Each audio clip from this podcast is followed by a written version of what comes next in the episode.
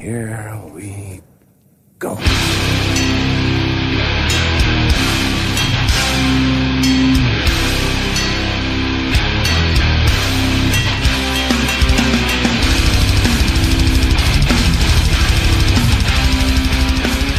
Hej och välkomna till avsnitt 5 av Hardcore slash Punk podcasten Nere på Noll. Eh, som vi gör i samarbete med NBV här i Örebro. Tack för att vi får låna er en podcaststudio ska vi säga så här inledningsvis. Och Eh, tack för kaffet. Ja, precis. Som dagen till ära är pulverkaffe, vilket eh, är sådär. Men jag, Robin, sitter här i alla fall med Danne Nätterdal Tjenixen. och David Hej. Olsson. Eh, hur fan mår ni idag? Mycket bra. Svinbra. Ja, gött. Ni eh, har lyssnat på massa härlig Umeå Hardcore sen sist antar jag? Ja, stort tack till han som laddade upp. Ja, det var jävligt, jävligt fett. Eh, dock var jag lite... Här är, ju- känns som att jag har gjort min beskärda del av Umeå Hardcore eftersom jag har lyssnat igenom varenda Umeå-platta jag äger och lite därtill i research-syfte veckan innan. Men För oss som inte hade gjort det var det ganska gött. Ja, men precis. Det var ju mycket som man inte kunde få tag på på så mycket annat sätt. Eh, gamla, gamla Eclipse och sådär. Så att, ja, det var ett jävligt eh, bra initiativ. Och är det någon, eh, något WizKids där ute som sitter på massa filer och kan dela och grejer så vore det ju asgrymt om man fortsatt med det. precis. Så eh, bara som en uppföljning på eh, det här lilla... Bara som en brasklapp, det är olagligt. bara som, Axel, vi tar inget, inget lagligt ansvar för det som sker i poddens namn. nej, nej, nej. Men fan. Eh, skit i det. Precis. Eh, nej men bara som en liten blänkare där, en uppföljning på det här lilla formuläret som vi skickade ut angående Straight Edge as Fuck kompilationen så har jag fått ytterligare ett svar faktiskt från Jampe Uppgård som... Better late than never. Ja, precis. Han eh, sjöng väl i, ehm, i Beyond Hate. Eh, Ja, det är Pram the Hams bandpolare alltså. Ja, nej precis. Han, förlåt, han sjöng i Drift Apart men han spelar gitarr i, i Beyond Hate. Um, och uh, jag ställer ju mitt vanliga lilla questionnaire till honom. Uh, utöver att han kom i kontakt med Desperate Fight Records via Dennis Lyxzén och um, José som verkar ha varit de mest centrala karaktärerna där i Umeå på 90-talet så säger han att uh, på den här viktigaste frågan då i anknytning till plattans namn, är någon av dina bandkompisar eller du fortfarande straight edge så är ingen från Beyond straight edge längre tror han. Så att, ja, så kan det gå. Ehm, vidare då så eh, fick vi ju en eh, mycket livlig diskussion i kommentarsfältet om vad som faktiskt sades i början av den där Refused-låten. Ehm, som, som, som vi snackade om sist. Ja, men det var ju så, så skumt för att när, ja, när om det var Andy som sa eh, Viva la revolution. Så, eller Viva la revolution eller hur det nu Mm.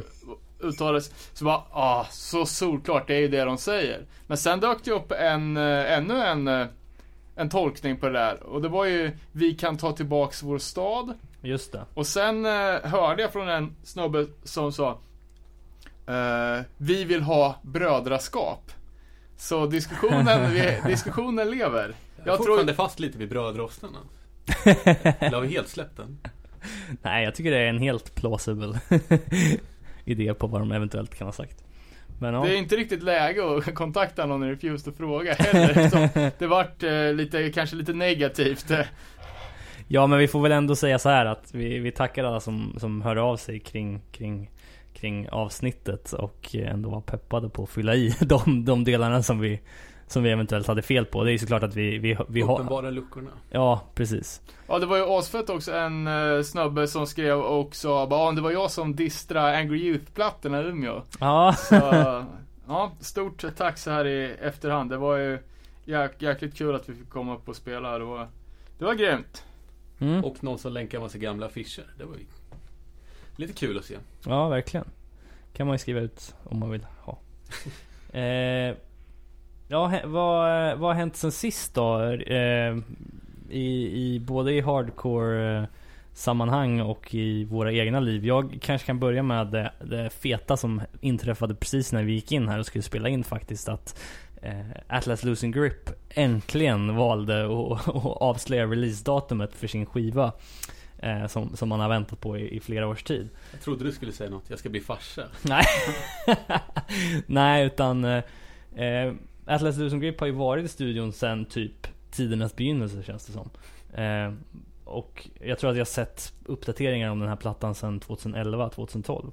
Eh, och nu verkar det äntligen vara dags för den 16 januari 2015 så kommer den släppas. Eh, de la upp en liten video med, med ett, ett litet smakprov från den och ja, När kom den, den skivan du gillar? ja, eh, State State, of- of Unrest. När kom den? Eh, jag tror den kom 2011 faktiskt. Det- Sen, sen dess har de hållit på med det här. Ja, i princip tror jag. De har ju turnerat en hel del ehm, också då. Men ehm, nej, jag ser oerhört mycket fram emot den här. State of Unrest var en av de plattorna som jag lyssnar mest på ehm, un, un, under de senaste åren. Så att, Mm, Ja, jag, jag som aldrig hade hört Atlas Losing Grip sa Fan, det låter lite som Satanic Surfers. Eh, och så, det finns en bra anledning till det. Så var det Det var ju Rodrigos nya band alltså. Just det. Kul att han får släppa trumsetet och kan sjunga på, på heltid. Nej men det lät väl bra. Det kanske man får ta och Ja, kolla. fakt- faktiskt. Mm. Vidare så har jag också sett att eh, i Instagramflödet har dykt förbi lite uppdateringar från Between Us. Eh, Ja, just att, det. att de håller på och lägger trummor och gitarr till, till någonting nytt. Eh, jag vet inte om de har avslöjat så mycket mer än så, men, men vad, vad tror ni om det? Carlingsrock. Nej, Eh, det är säkert ja, svinbra. Ja, ja jag, jag har, har eh, inga förväntningar. Men jag vet ju att det kommer, det kommer bli bra. Mm.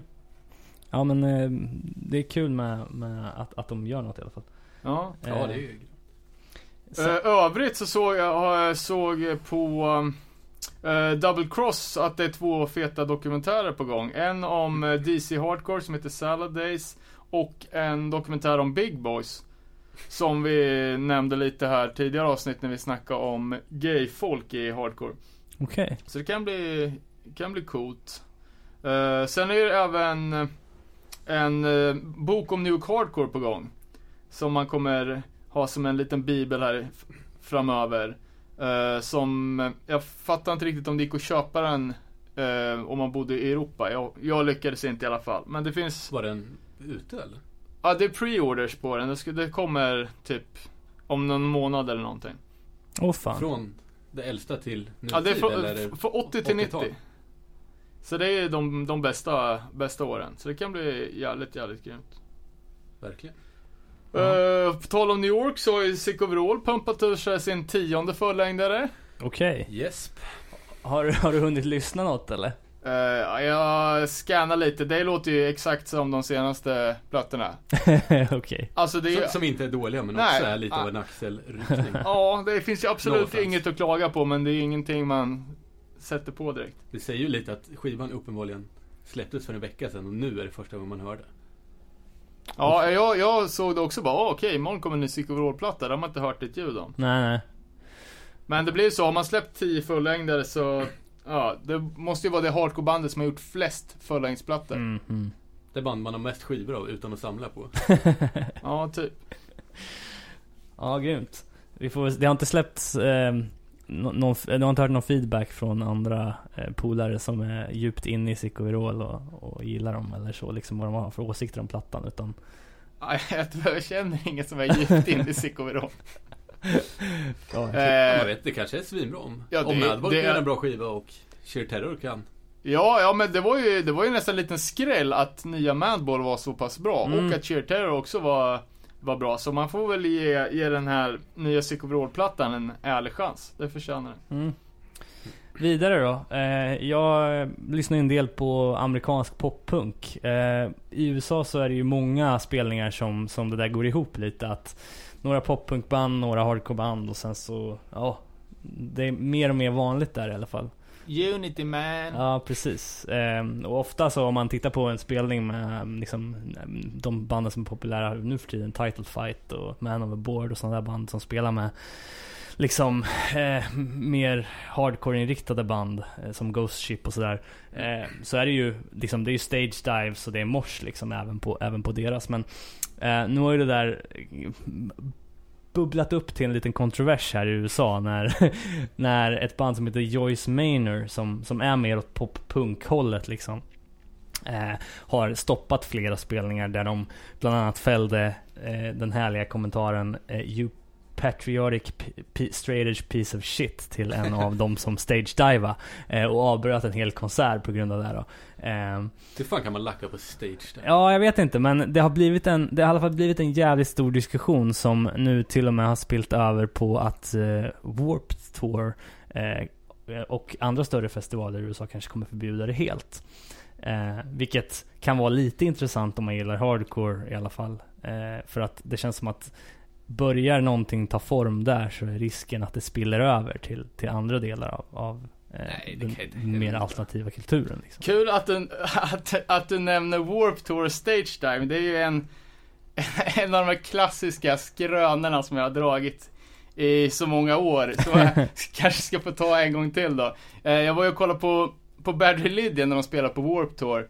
eh, När, de var, när det var inne i Fryshuset. Mhm. Eh, Eh, de hade en värtramp med en kille som åkte sån här 4 plus 4 rullskridskor. Du vet man står som Charlie Chaplin med fötterna.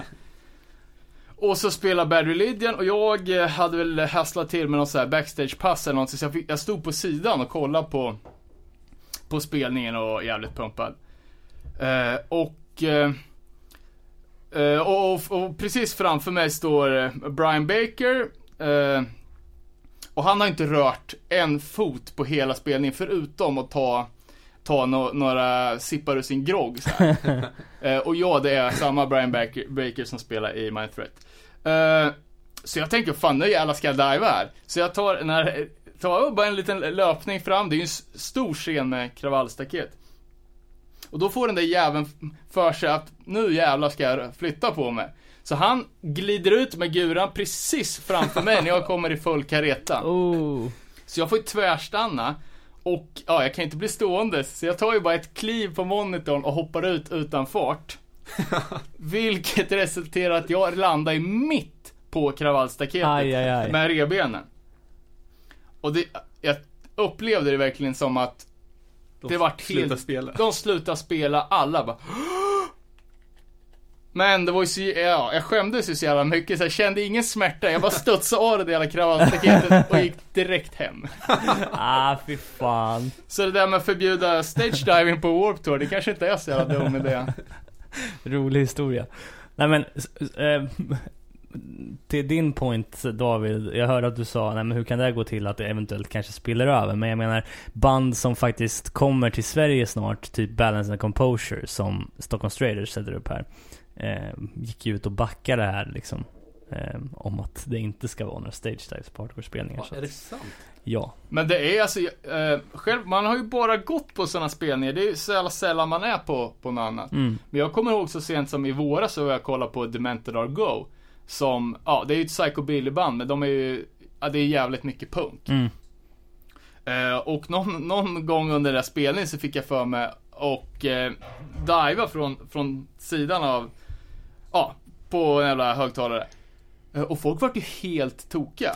Alltså, jag, jag, folk bara slet i mig, slog mig, nöp mig, hörde någon skrika jag bara Är du helt jävla galen? och det här är liksom folk som, som är De där är för galna på riktigt. Ja, som är där för att lyssna på ett band som sjunger om att ligga med lik liksom. Eh, shit. och likadant, eh, jag och Lilja var ju eh, och kollade på jävligt fet spelning. Det var alltså eh, Terror och Full Blown Chaos som spelar med Necro och Ill Bill i London för ett par år sedan. Shit, vilken Eh, line-up. Ja, så det var ju liksom ja, jävligt grymt. Eh, och hardcore-bandet spelade först och det var inte så mycket hardcore-folk men Alltså de som var där körde på som vanligt. Eh, och sen när Necro spelade så han körde ju Mycket låtar från den här Prefix for Death som är, ja men lite mer metal eller vad man ska säga. Eh, och så någon, någon gång i setet så typ så Start a pit, start a pit, start a pit. så vi var väl några som började swinga lite där. Och jävlar vad det var dålig stämning alltså. Ja. Så det kanske är. Man är så jävla, tar för givet att man får bete sig hur fan som helst när man är på spelning. Men det kanske bara är i, i våran scen som det är, är okej att gå bananas. Fan, stage dive är inte bete sig hur fan som helst. Nej, jag menar det. Men ja. Nej, det, jag, jag har ju, man har ju sett värre grejer. Det roliga var i alla fall, det, det roliga slutklämmen var i alla fall att Hate56 som lägger ut massa hardcore videos. Jävligt bra blogg. Ja, jävligt bra. Um, la upp en, en eh, anti-Joyce Maynard t-shirt där det står Patriotic straight edge piece of shit och sen är det amerikanska flaggan och en örn. Så, Snabba på att kapitalisera på den grejen. verkligen. Ja men eh, annars då? Eh, vad har ni gjort i veckan? Danne, har du varit nog med på sjukan eller? Nej, fan det har varit lugnt på den fronten. Ta i trä. Ta i trä. Eh, men däremot har jag, har det ju brunnit igen. Va? Och den här gången i min lägenhet. Ja, det är, ja, det är helt... Blev unga inspirerade eller vad Ja. var grejen? Ja, som Eller tur var inspirerad? så, så låg de och så, men... Ja, var i lördags hade jag käkat och jag gick ut i köket och skulle plocka lite med disken. Så helt plötsligt så ser jag att det börjar ryka från vår spis. Eh, och vi har en sån här jävla, mm, som man kan torka, torka disk på hänger. Så jag tänkte på shit, nu börjar brinna den här trasan. Men nej. Eh, och det var inte varmt någonstans, men det kom verkligen massa rök och det luktade så, så här brända, bränd elektronik liksom. Oh. Så jag bara drar ut spisen, ser det ryker mer och mer, så vad fan ska vi göra? Och eh, eh, spisen sitter ju fast i, med sladden i väggen, så gick inte att dra ur heller. Så bara, fan vad ska vi göra? Vi får ringa, vi får ringa brandkåren. Eh, och ja, eftersom det har brunnit då jävligt mycket precis i mitt kvarter så hade väl de någon sorts jävla Ja, de var väl på alerten helt enkelt när det ringde från min adress. Så på fem minuter så kom det ju en brandbil med sirenerna på, in stormar sex brandmän och två snutar. Shit. Och ja, bara, ja det ryker lite från vår spis här, kan ni kolla så att det är lugnt? Men det hade blivit något, ja det började brinna på grund av någon elfel, så det var ju bara att Tänkte du först att det kanske var pyromanen? Har nej. inne och vänt i lägenheten. Ambitiöst. Ja, jag börjar fundera på om det är jag som är pyroman och jag är så jävla psyk så jag inte fattar det själv. Nej, så vart det bara sula den där jävla spisen och köpa en ny, så var jag 11 tajta tusen fattigare. Ah Men, fy fan vad segt. eh, hoppas få tillbaks något på hemförsäkringen. Ja. Eh, så det är fullt upp med mitt privatliv också kan man säga. Ja, själv har jag inte haft lika mycket action i mitt liv sen sist. Jag har inte gjort speciellt mycket. David då? Har du haft någonting roligt för? Inget sådär häpnadsväckande. Nej. Tur för dig. Men jag har fyndat skivor på lokala skivaffären. Och därifrån kommer dagens ämne. Eh, Jag gl- jag gled in där, som man alltid gör, tror att man ska hitta något gött. Gör man inte. Så långt bak i någon back hittade någon Token Entry LP för 69 spänn. Tänkte jag, ja, Värt. ch- chans, eller så här, ja men det, det kan säkert vara bra. Kommer hem, lyssnar, det var inte bra.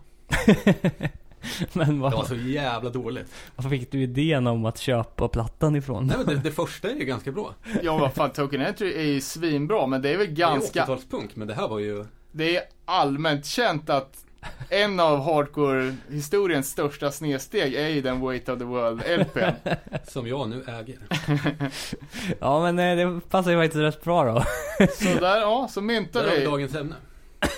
Band har gått snett för. Precis, som vi ska snacka lite om. Eh, och approachen måste vi försöka eh, säga att vi ska prata om det som var bra i första hand, så vi inte bara sitter och dissar saker. För jag, jag känner att jag fick lite dåligt samvete för att man har vi klankar ner så jävla mycket på, på ja, Umeå-band och sånt där när Fast vi är ändå från Närke. Ja, ja exakt. Det är våra, våra kult, kulturella Det är ju svarta gnällbälten svart gnällbälte, exakt. Det är vår kulturhistoria.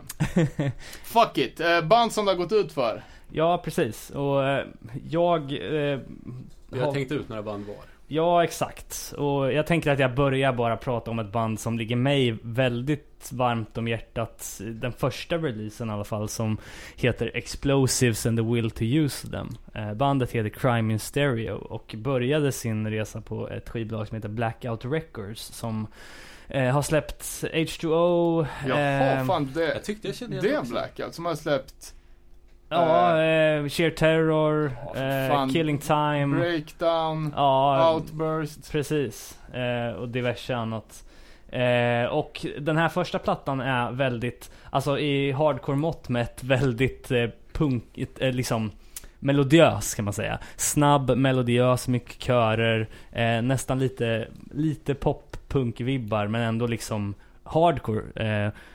Eh, och kollar man på vad de var för band när de började den här eh, resan med sin första platta så, så var det ju liksom eh, de spelar på ungdomsgårdar i gympasalar med liksom stage dives Finns det och, ung, ungdomsgårdar i USA? Ja men vad fan. Privata. Ja, precis. Ja men, Men fall, de har gjort en sp- split med Kill Your Idols. precis. Eh, och de låter väl typ lika, eller lät då typ likadant. Det är Mm. det enda jag har hört. Ska vi lyssna på ett ljudexempel? Ja ni fattar grejen. Det är mycket liksom Jävligt korta låtar. Ja, och eh, det är mycket körer och det är jävligt snabbt och det är Ja, ganska det lät roligt. bra. Eh, sen så blev det så här. Ganska experimentellt med andra ord. Men det var ungefär i samma veva som de började släppa skivor på eh, Bridge 9 faktiskt. Eh, som, som det här ljudet kom in. Eh, vissa kanske säger att de höll i det i Trouble Stateside som kom 2006. Men redan 2007 när man kände att det började gå ut för De släppte en platta som heter Is Dead och sen liksom eh, Ja, 2000. Is dead. Det låter det som någon- någonting som Refused eh, skulle jag kunna komma på. Ja, Eh, men det är, det är skumt att de släppte den under Bridge 9 etiketten när de ändå har någon typ av skräpbolag. Det där Happy Violence eller vad, vad det hette som släpper poppiga skräpplattor. ja precis. Eh, Det måste ju nå ut till den breda massan. Ja, jag vet inte vad det var som, som fick dem att göra det, men jag tror att de, eh, de har ju lite sidoprojekt och rent musikaliskt så, ja. De ville väl ta det mest framgångsrika bandet och gå åt det hållet kan jag tänka mig. Eh, För de hade ett jävligt liksom eh, högt following i början. De hade mycket estetik också som kunde påminna om andra band som var aktuella under den perioden. Typ Champion och sen Have Heart liksom. Att de hade viss straight edge koppling och det var väldigt så här college liksom. Jag har aldrig, jag har alltid blandat ihop Crime in Stereo och Death by Stereo. Mm. Eh, som jag, Death by Stereo som jag tycker är, är rätt feta. Ja, verkligen. Jag håller med dig. Såg dem på skylten, då var sångaren sjuk. Så han sjöng inte ett ord på hela spelningen. Men han var på scen. Han var på scen. Jag tror, Jag har, inte sett, jag har inte sett hela bandet, jag har hört. jag tror. Boris har Death by Stereo tatuering på knät om jag inte minns fel. Så de verkar ha gjort ett avtryck. Verkligen. Eh, Crime in Stereo. exakt. Eh, och det är väl den, den här klassiska HCT emo-resan då. Tänkte ju säga det, det är som dunderklassiker. eh, vidare då, Danne. Eh, ja, uh, ska vi börja kronologiskt då? Eh, en av de kanske kändaste hardcore-utspårningarna måste ju ändå vara SSD. Eh, ja, vad fan ska man säga? Det är ju, SSD var ju första bandet i, eh, från Boston. Just det. Eller första bandet från Boston, det kanske var Aerosmith. Men, eh, eh, för Boston, när hardcore, hardcore. när hardcore kom till Boston, typ 82. Eh, Boston-gänget eh, var inspirerad av Manfretto, Washington, DC-grejerna. Och tog, eh, tog det ett steg till och gjorde det hårdare, mer aggressivt, mer våldsamt. Eh, och eh, den klassiska plattan, plattan The Kids eh, Will Have Their Say är väl en av de första hardcore, alltså fullängdsplattorna tror jag. Jävlar vad omslaget är snyggt. Ja, en, en riktig klassiker. Tidigare så, ja men typ Adolescents och Circle Jerks och sånt där, men det är inte riktigt, eh, Det är mer punk. ja mer punk. Eh, SSD eller SS, SSD Control, det är ju verkligen så jävla hardcore det bara, det bara kan bli. Eh, ja, eh, omslaget det är, eh, om man inte vet det, det är ju alltså Boston Crewet. Som, som springer upp för trapporna på det är något Capitol Building eller sån här, någon administrationsbyggnad. Och Boston Crewet var ju då SSD, DYS och Negative Effects. Eh, som, eh, så var de tre Edge-banden i Boston på den tiden. De hade väl rätt starka kopplingar till, till Minor Threat va också med eh, hans label och så vidare. Eh, ja, ja, precis. Den är ju släppt på då eh, deras egna bolag, eller Alberillis bolag Exclaim. Eh, och sen en split släppt med Discord då. Just. Ehm, och sen fanns det ju en annan gruppering i Boston med FUs, Jerry's Kids och eh, kanske då Gang Green på den andra sidan. Och Gang Green var de som var mest anti-edge som man, man eh, säger. Med, de har ju Eh, på, Alkohol, på, stora hit. ja, stora hitten Alcohol och sen på omslaget på sjuan så har de skrivit eh, Gangrene med Cola på eh, något, något jävla, någon bricka. Jaha, är det Alcohol som No Fun at All är ett cover på? Ja, Ja, ja. som även för Pennywise, eller vilket? Ja, jag vet ja fan. något mer.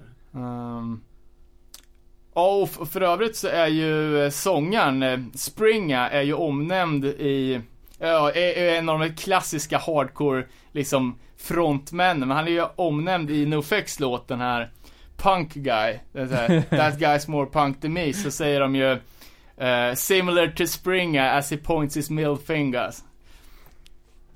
Ehm, ja, vad fan har man mer? Det är väl rätt bra samlarvärde på den där eh, EPn. Eh, Ja, SSD, det är, ja, det är en av de dyrare skivorna han köpt i sitt liv. Ehm, ja, du har den alltså. ehm, det är ju, Det finns ju massor bootlegs på den. ja, ja, bland annat finns det en bootleg som, som är ganska legendarisk, som är en identisk kopia med originalet. Den enda skillnaden är att eh, där det ska stå Exclaim så står det EX Claim. Åh fy fan vad fult. Eh, och ryktet säger då att det är någon från New York-crewet som har gjort den. Eh, jag vet, jag vet, inte, vet inte riktigt vem, men New York och Boston har ju ett eh, ganska legendariskt beef. Eh, Pågår fortfarande.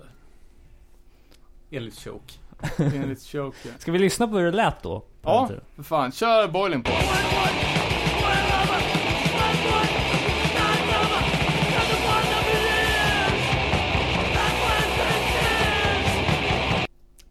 Boiling Point alltså. Så jävla bra. Jag vill bara mycket, mycket bra. lyssna på den där hela skivan. Skita i att spela in. Jag ser här på Wikipedia att det här måste vara ett av de få banden som har eh, eh, som gen- genres då. Hardcore punk, crossover trash, heavy metal och straight edge. Nu är vi inne på utspårningar. Ja. Eh, ja, för, för- för att återgå då till det klassiska omslaget. Andra lirare som är med och springer upp för trappan är ju Jake Phelps. Eh, som vi Va? känner igen från, Trasher. ja, chefredaktören för Trasher Ma- Magazine. Oh fan. Eh, och eh, en kille som heter Lou Giordano. Som, han producerar alla Boston-släpp, både nya och gamla och ja, har jobbat som producent sedan dess. Och har helt otippat även gjort ett par skivor med Millencolin. Uh, jag träffade honom faktiskt. Uh, uh, Millencolin-studion ligger typ i samma hus där jag jobbar ett tag. Så jag bara, ah, tja där är vår nya producent, eller Lou så här.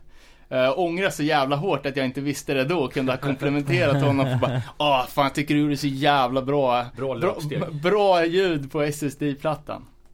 Men det är Ja, jag lätt trodde du skulle komplettera någon för uppspringning av trappan. Ja, Ja, precis. Eh, och eh, jag kollar på hans, eh, vad han har gjort mer då på Discogs. Jag såg att han även har gjort, uh, varit med och jobbat med soundtracket till Everything About You med Hugh Grant och Julia Roberts.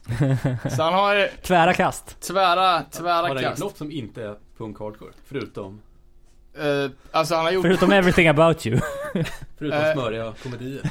efter Boston-plattorna innan Millencolin så gjorde han 100 plattor som jag inte har en aning om vad det är. Eh, men det är väl någon typ av eh, riktig musik, antar jag. Mm, right. Vad var det som hände då? Ja, eh, alltså det har ju hela tiden varit lite dålig stämning inom bandet. Det börjar ganska, ganska snabbt spridas rykten om att Springa inte var nykter hela tiden. Om att han eh, gick ut och smygblazade efter repen och så här och eh, eftersom eh, Al är, var och är jävligt militant med sin eh, nykterhet och har skrivit mycket av texterna som Springer och sjunger så var det väl dålig stämning i bandet. Eh, och man ser ju i American Hardcore dokumentären eh, då är det någon typ av återförening och de har ju inte träffat varandra sen Ja, alltså på 20-25 år. Mm. Och det är, ja, det är väl inte jättehjärtligt. De hade väl något superbråk 2008 också? Ja, precis. För sen då när SSD vart i ropet igen i och med att eh, American Hardcore vart så, så jävla stort. Eh, så vart det ju massor med folk som, som eh, vart intresserade av de banden. Bridge 9 började ju släppa eh, SSD och Exclaim merch och Mm. Eh, Så då gick det ju springa ut med att han skulle spela med hyrda knäktar, inte bandet utan inhyrda musiker och kalla sig för SSD och var bokad till Iperfest. Eh, Och det landar ju inte så bra eh, med resten av bandet.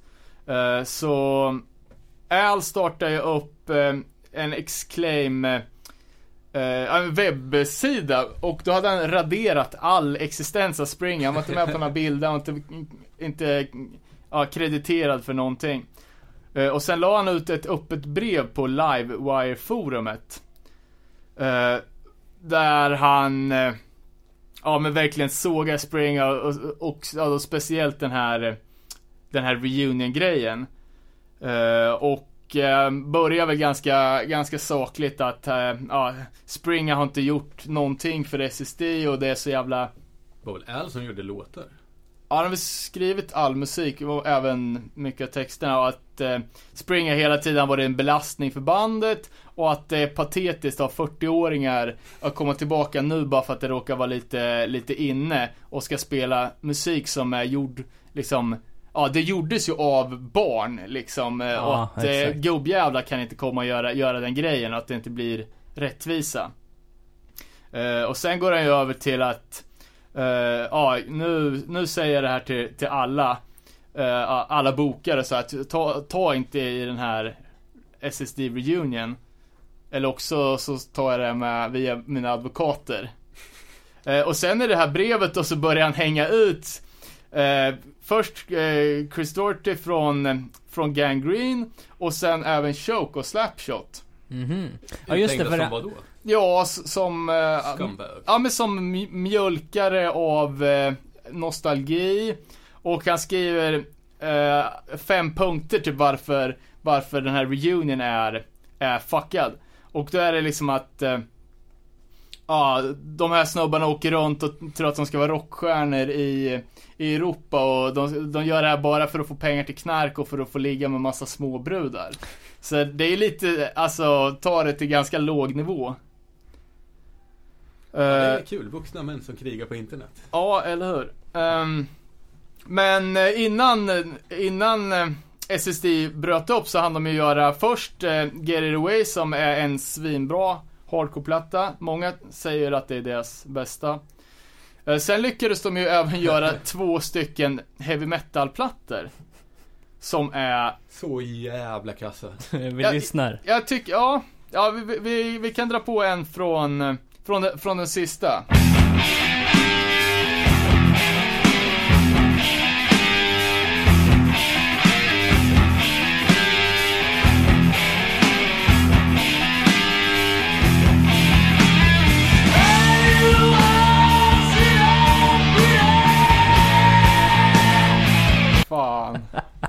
Alltså av någon anledning så låter det som Glenn Danzig typ.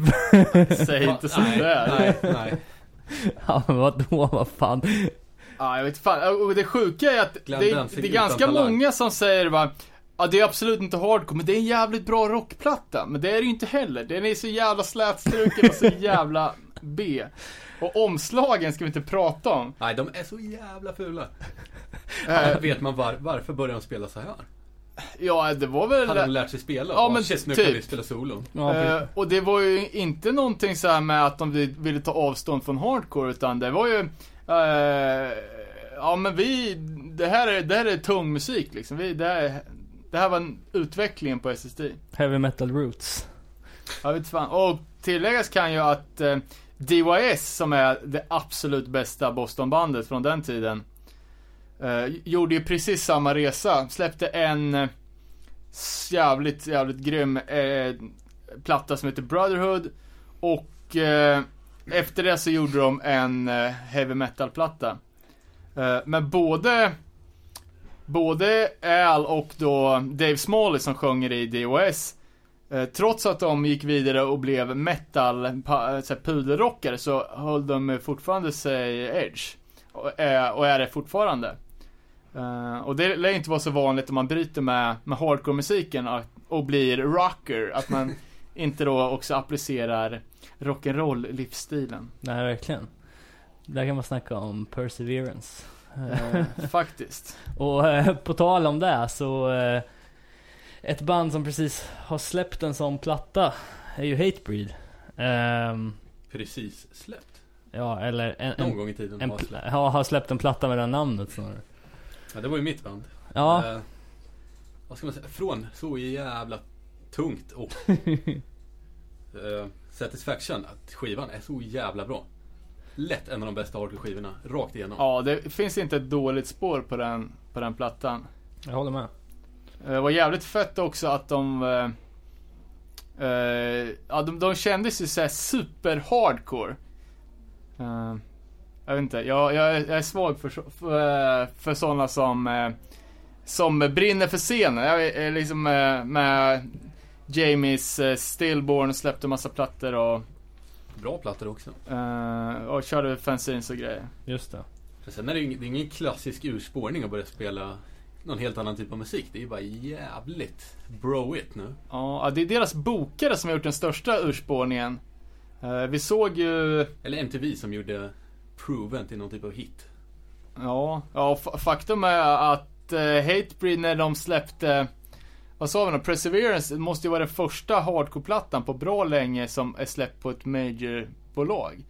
Eh, den är väl på Universal om jag inte minns fel. Eh, ja, Och det öppnar ju Precis. upp... eh, Den den är inte så jävla, den är ganska den är bra skiva. svinbra. Ja, och... eh, Ja, fan det var ju en av de bästa skivorna man har hört. Men det var ändå helt plötsligt att nu är hardcore i major label sammanhang. Mm. Och det öppnar ju upp dörren för, för andra band också bli signade på major label. Som Sworn Enemy då, som fick major label kontrakt på Elektra.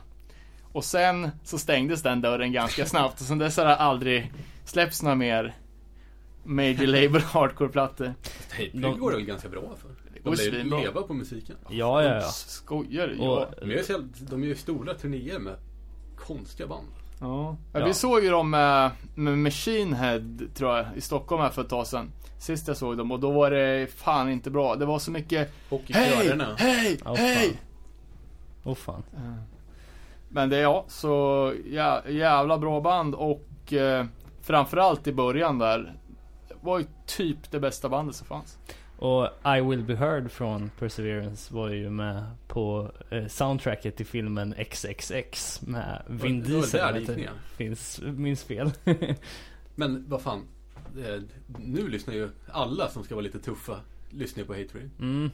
Det, är- det är ju för fan svennigt. Ja men tri, tribaltatuering, muskler på överarmarna och Lös snus. lös snus, för stora brallor och eh, Hatebreed t-shirt i storlek small. Var det inte något rykte någon gång, eller är det bara jag som blandar ihop det, men typ att de hade någon sån här white White power grej eller något. De hade blivit ihopblandade Nej, eller den, någonting. den hade jag också pratat om. Att det blir ju ofta förknippat med vit maktmusik. Ja. Nej, jag, har forskat i det där. Ja men fan, det där eh, ja, ta, någon- ta din grej först. Någon, när Napster, eller vad fan det hette, var Ja. populärt. Det var ju någon som döpte om Smash your enemies till Kill the N-word. Va?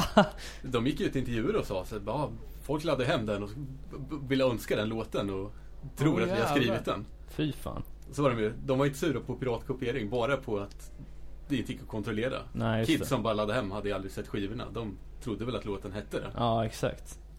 Ja, eh, för jag, jag såg, fan vad det var nu jag såg, typ, vad heter de här jävla programmen? Eh, Åh, bra. Bra om man ska säga någonting och inte komma upp. Eh, Tv-program där de håller på att lösa massa brott. Vad fan heter det? Efterlyst? Nej, eh, det där som finns i LA, det, det är Ja, CSI. CSI. Det var ett CSI-avsnitt som handlar om mord på en nazistspelning. Och där förklarar de att hatecore är ju det engelska ordet för vit maktmusik. Men fan. var det, det var ju någon nazist som, jag vet inte om det var ett mugshot, där han har tatuerat Hatebreed logga Ja, som det. Ja, mustasch. just det. Och så har han Fan. typ svastikor i nyllet. Ja, och, och han har ju en känga på näsan. Jävligt klint. Shit. Och, eh, vet fan, den sista skivan jag lyssnade på, då har de en låt som heter My Supremacy. Jag tyckte verkligen bara, fan sjunger han White Supremacy? Det kan, det kan inte stämma, det är ju helt sjukt. Eh, Men på, på, på tal om att eh, Hatebreed var ens favoritband. Jag var ju rätt tapper där när, eh, det var ju, tror nog det första gången Hatebreed spelade i, i Sverige. så lirar de ju, först spelar de på fredagen eller någonting i, i Göteborg, var vi där och kolla, så jävla fett. Uh, och sen ska de ju spela igen i Stockholm på, på söndagen då. Och på lördagen så var det en spelning i Örebro med Raised Fist. Uh, som man såklart gick på och uh, Raised Fist uh, avslutar med Gorilla Biscuits cover. Då de huvudet som man är så skulle man ju upp och eh, diva in i den här krogpubliken och det var inte en jävel som, som tog emot den så jag drog ju rakt ner i golvet och eh, bröt armen. Aj. Eh, så då var det direkt från det giget in på sjukan, opererades på natten, sov över där. Eh, och sen vart jag hemsläppt, kom hem till lägenheten 12 och klockan två så tut tut kom bussen, då var det dags att ta sina smärtpiller och sitt gips och dra och kolla på Hatebreed i Stockholm. Jag såg Hatebreed på Pressurefest och blev sparkad i pungen. Vad vad- vad- vad- vad var bäst? Se Hatebreed eller bli sparkad på pungen? Eller sämst kanske jag säga. Det måste ha varit pungen. Ja. Hatebreed var bra. Hosta upp kulorna var inte så jävla bra. Men, eh, är som sagt. Eh, jag, jag, ska vi gå vidare till nästa band? Eh, om, om vi inte har något mer att säga om Hatebreed. Det har vi säkert, men svårt att komma på något så här på, på rak. Ja, och vi kan ju adressera det direkt att om det är lite bakgrundsljud så beror det på att det är jäkligt mycket folk runt våran studio just nu. de har någon typ av- dansuppvisning. Ja. dansuppvisning här. Se, som vi, eller som David ser, ser in på. Sitter och smågarvar hela tiden. För det är mycket medelålders män som ser lite lätt obekväma ut i dansrollen. Så om vi börjar fnittra helt okontrollerat någon gång så jag överseende. Eh, Jag tänkte i alla fall gå vidare med att bara nämna Nasty som eh, jag tyckte gjorde två superplattor i början med Declaring War och Aggression. Ja, Ehm, fan när Declaring War kom så var det ju bokstavligt talat bomben. ja verkligen. Fan, jag tyckte... eh, Jag ska inte hoppa på något tåg här och inte gilla det men jag lyssnade också på det men jag vet fan om jag tyckte det var så jävla bra. Jag måste säga att jag, jag tyckte det. Jag var i det där kampet. Jag kommer ihåg en spelning med Nasty och First Blood i Stockholm 2009 eller 2010 kanske. Nasty har ju alltid varit ett jävligt hårt turnerande band. Jobbar hårt som fan för sin sak och ser ut som att de brinner för det liksom. Väldigt mycket och den spelningen var helt sjuk, sjukt bra. Eh, det var precis efter att de hade släppt Aggression. Eller något år efter kanske. Mm. Eh, men sen så tappar man lite eh, dem. Eh, och eh, nu senast så, för, slutet på förra året släppte de ju Love då. Är, Som- är skivan bra? Jag har inte ens Eh, orkat. Det låter ju exakt som vanligt tycker jag. Eller? Ja, jag har inte lyssnat så mycket på det. Det, det blir så här, fan... Hardcoreband som släpper för mycket plattor för snabbt. Mm. Man tappar lite, det är lätt att tappa intresset. Ja och framförallt tycker jag att de har blivit, det har blivit mer metal, mer enkelspårigt liksom. Det är inte alls de här svintunga mördar breakdownsen som de hade när de Nej hade... för det var, ju, det var ju det som var så fett för att det var ju så over the top. Jag kommer ihåg när, det var ju på ett pressurefest. Uh, jag hade ju hört uh, Nasty Demon. Det var ju på den tiden när Matte Mors, eh, varje gång man träffades så kom han med en eh, DVD med tusen, tusen nerbrända beatdown mp3 Så man hade ju verkligen stenkoll på allt nytt. Och då var ju typ det fetaste Nasty Demon. Mm. Eh, Så när, de när Alvaran Distron hade Declaring War så köpte man det direkt rakt ut på parkeringen och satte sig i bilen och lyssnade och sen var det bara garv. För ja, den upp, öppningen på den skivan, så vi lyssnade, jag tror fan vi lyssnade på det repeat hela vägen hem till Sverige sen. Ja alltså, och... Och det är en sån här skiva som man, man vill spela med öppet fönster högt så att folk bredvid ska höra. Nu har vi en jävla sjuka grejer här alltså. Ja men det var så mycket attityd också på de första släppen tyckte jag. Och framförallt live. Eh, sjuk närvaro och... Bra live ja. Ja, men sen liksom, eh, det känns som att de har hamnat in i något fack där de...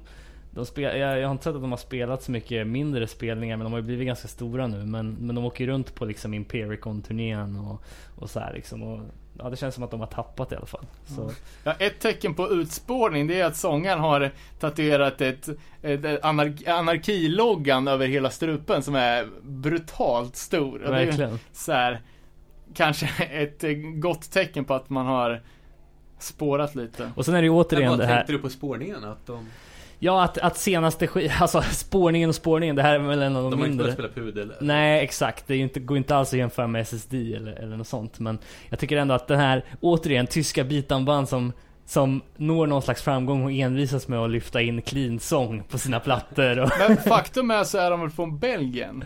ja, i och för sig. Jag trodde in i det längsta. Jag trodde att de var från Polen eller någonting. Ja, jag trodde att de var från Tyskland Jag trodde länge. också de var från, från Tyskland för på den här jävla demon så har de en låt som heter Schweivel på tyska då. Eh, Och med min skoltyska så fick jag ihop det till att det är eh, lök. Så jag tänkte att det var, de sjöng om någon som var en jävla lök. Men eh, sen fick jag det, ja. Så att det är Schweibel är lök och Schweivel är tydligen tvivel. Uh, can you play that onion song? I really like it.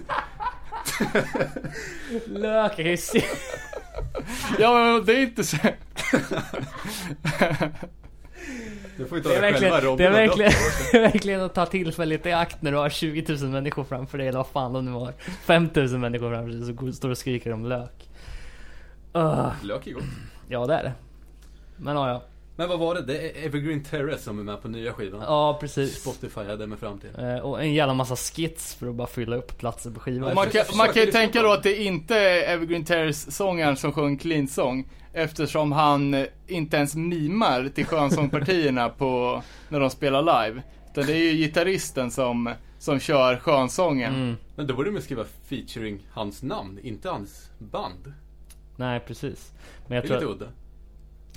Evergreen Terrace har ju varit med på många av de här Impericon-turnéerna också, så det är förmodligen där de har bondat liksom. Fan, jag såg att du skrev om det Evergreen Terrace på Facebook i veckan Robin. Ja, jag, har, jag måste säga det, for the Så record. jag har börjat lyssna lite på det igen. Det är fan lite gött alltså. Det är jag tillbaka? Jag svinbra. tycker det var svinbra också. Älskar det? Jag, gillar, jag brukar inte gilla den typen, men de är en av de banden som, som gör det där bra. Ja, verkligen. Och jag kommer ihåg också ett, ett Pressurefest att han eh, eh, Sångaren, att han divar från en högtalarpelare som var helt brutalt högt.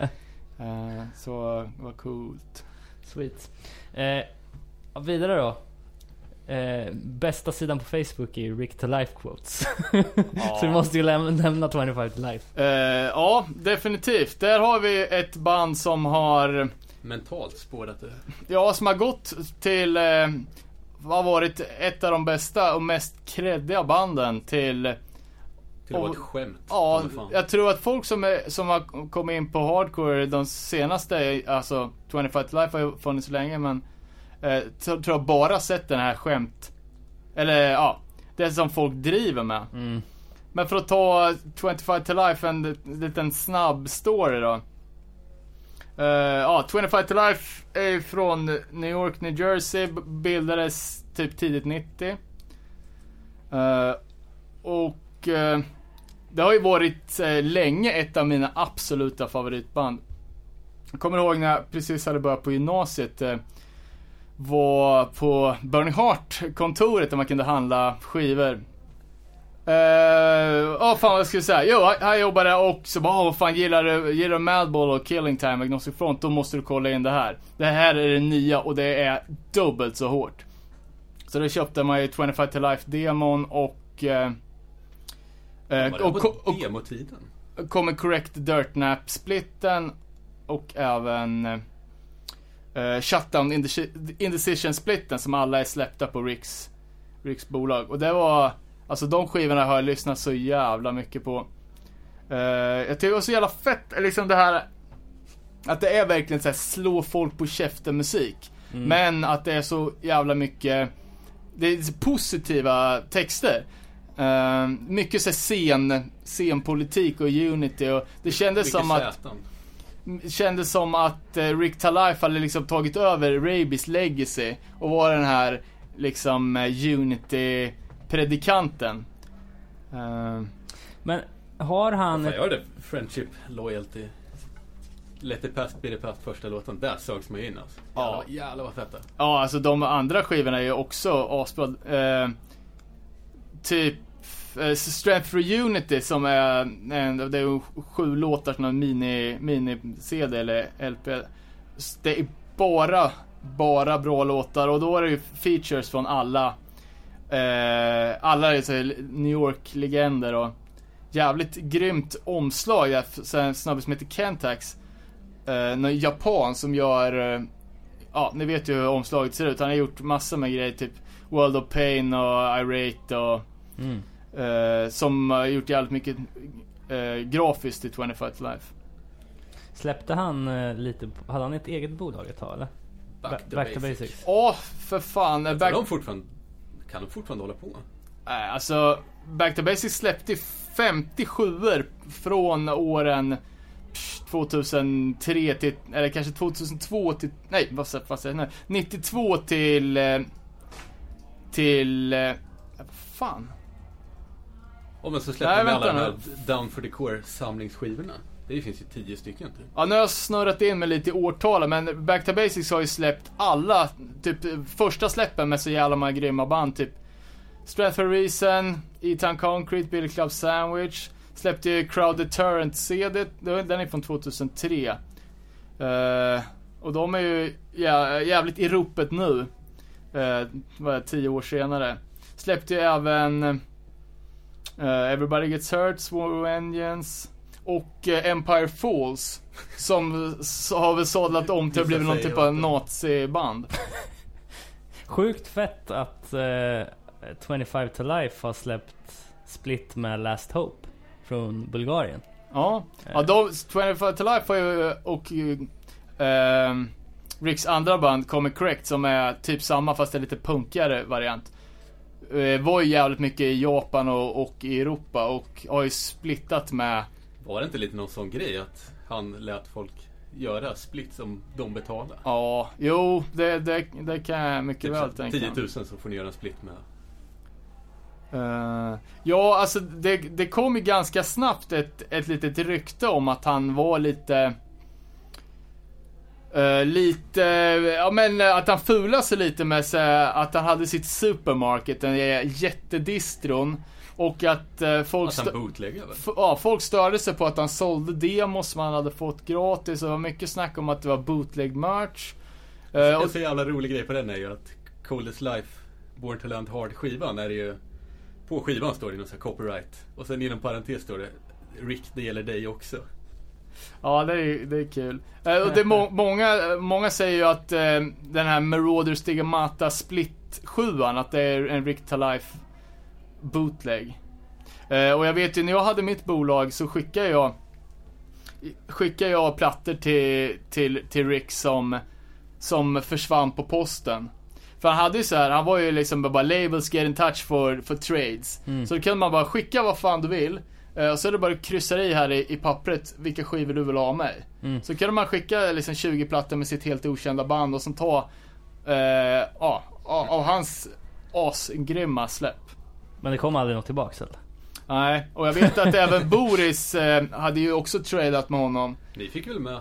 Ah, ursäkta. Eh, och eh, ja, Boris hade skickat ett fett paket som också då kom, kom bort på posten.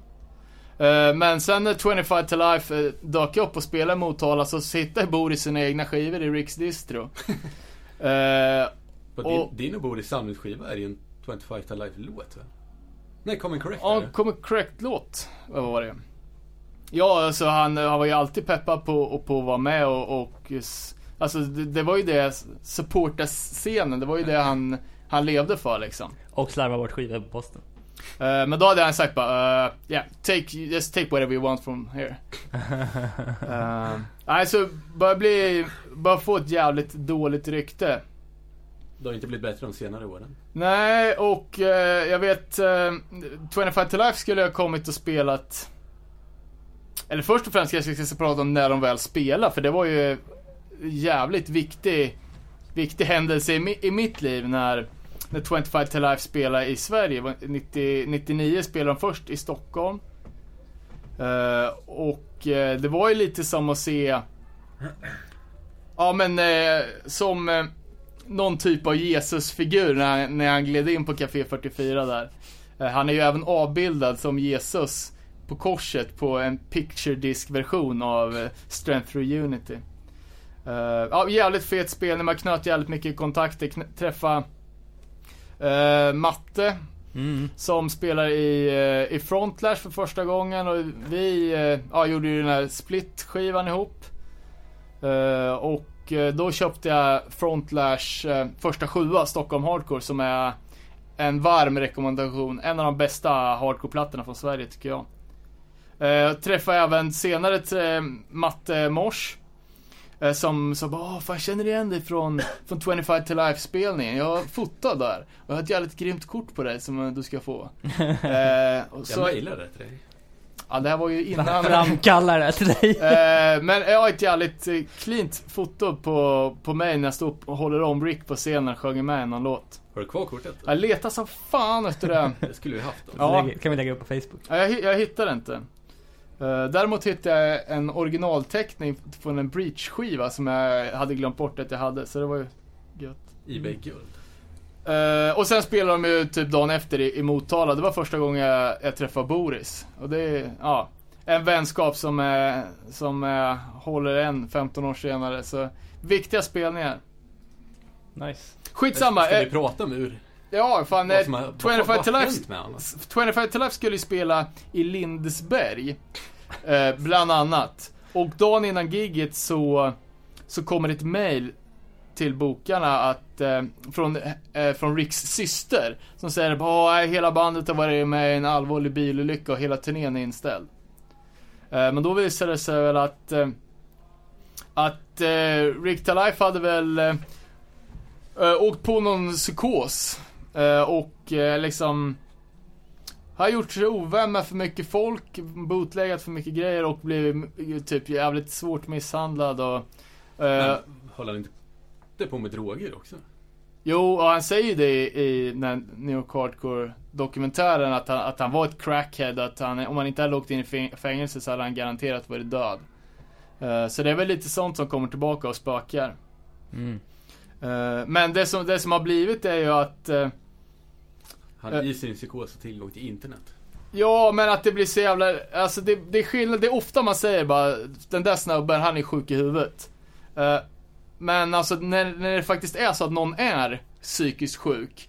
eh, det tycker jag, det, det är lite fult av folk att bara på, du vet, göra så mycket narr av, av Rick som det är liksom.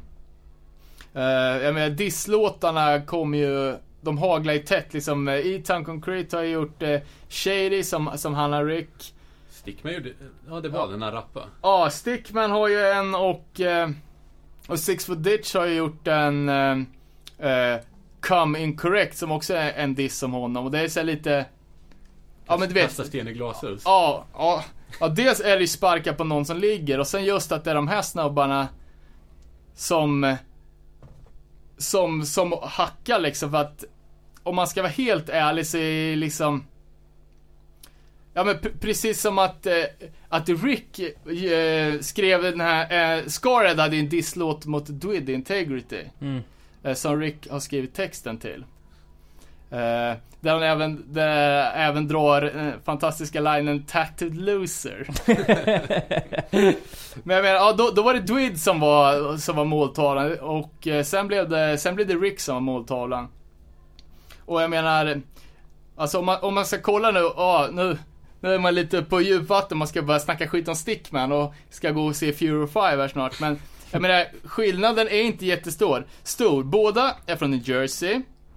Eh, båda är gamla knarkare. Båda suttit på kåken. Båda är 40-plussare som ska ha någon sorts rapkarriär och Mm. köra stenhårt på Wigger-stilen. Och det gäller ju även Det si- Six Foot Ditch liksom. precis, jag tänkte precis säga det och påminna om det. Fan, eh, snart är det ni som, som går över gränsen och eh, blir laughingstock liksom. Är de inte redan? Jag tänkte precis säga det. Ja, vad vet jag. Och liksom, eh, ja. Eh, Rick Talife on the Horse var ju en, en av de första Facebook-sidorna jag hörde talas om. Och den här sidan som har, eh, som eh, typ re, repostar eh, Rick Talifes, eh, Quotes. ja hans eh, eh, Twitter-postningar. Mm. Eh, den sidan har ju fler följare än vad 25 to Lifes riktiga sida har. Nej, så jag vet inte fan, jag tycker det är jävligt tragiskt att, eh, att eh, Okej, snu- snubben har, han har han har rippat folk, eh, men eh, ja, jag tycker det är lite, lite fullt att folk håller på och hackar på någon som ändå har gjort jävligt mycket för scenen. Och sen som har hamnat i, i klistret eller liksom. Men i den här urspårningen pratar väl han jävligt mycket skit om Jo men det är Han har en, ju ja. skrivit skit om varenda band som Ja, finns i alla, hela världen. alla band. Uh, annan ganska rolig eh, diss var ju eh, som Misconduct av alla band kom, kom med på Augustibuller. Uh, ska vi se, fan vad jag sa. Men ja, Misconduct eh, spelade eh, inför en riktig sån här festivalpublik liksom bara, Det här är riktig hardcore, Det här är det här var jag också på. det här, är, det här är riktig hardcore. Det finns andra band, till exempel 25 to Life. De vet inte vad hardcore är. Sa inte? Som De- tro, tror att hardcore handlar om att vara st- stora och tatueringar. Ja, de, de handlar om, de, som, de tror att hardcore är att ha tatueringar och vara elak mot folk. Och, eh, Nej, eh, och då, då hör, man, hör man en röst i publiken, jag tror att det är Andy som säger det bara, Det tycker jag med! Eh, ja, nej fan. Ja, spännande. Men ja, jag tycker absolut att du har en poäng där med att det, bara, att det är tragiskt liksom. Men man kan ju inte underhålla att han, att han ligger bakom en del fantastiska sägningar också, Rick. Nej, nej men bara som det här med liksom när han börjar uppträda med skottsäker väst bak och fram för att han inte ska bli stabbed in the back och... Jaha, var det därför? Jag trodde han bara satt den åt fel håll. Ska vi gå vidare till, eh, till ett annat band David? Nu ska vi se. Som heter Throwdown. Throwdown. Mm. Ja, vad ska man säga där? Att de har hållit på jävligt länge. Det har de Eh, gjort. Och att, Lite för länge, ska man kunna säga. ja, men de är de är bildade ganska sent om man jämför med de andra banden som, som spårar ur. Men, Ja, det är väl typ 99-2000 tror jag Ja, de kickar precis. igång. Men det är eh, också från jävligt tung hardcore till... Fan, de har haft många stilar. Ja, alltså Throwdown när det begav sig så var ju det, det var ju ett av favoritbanden i Örebro. Mm. Uh, jag menar fan, jag har ju en Throwdown, eller inspirerad tatuering. Uh, ja, en sjuksköterska. Uh, och från början var det, skulle jag skriva Get Sick då efter deras, uh, ja den här, det, det, innan Unite blev deras hit liksom. Så hade de en låt som, uh, ja så bara Get Sick motherfuckers. Uh, som, som var jä jävligt pepp. Uh, men jag var väl klok nog att skita i att skriva Get Sick. Utan bara körde sjuksköterskan. Uh, och sen har jag obduktionsverktygen från Carcass uh, Necrotism Discount in the Insalubrious uh, skivan också på det. Uh, men de har ju fått förklara ganska många gånger bara Jaha, hur, hur, hur tänkte du nu? Och sen när man ska förklara det bara, ja men eh, det här med get sick, alltså det är att man ska bli sjuk i huvudet och det.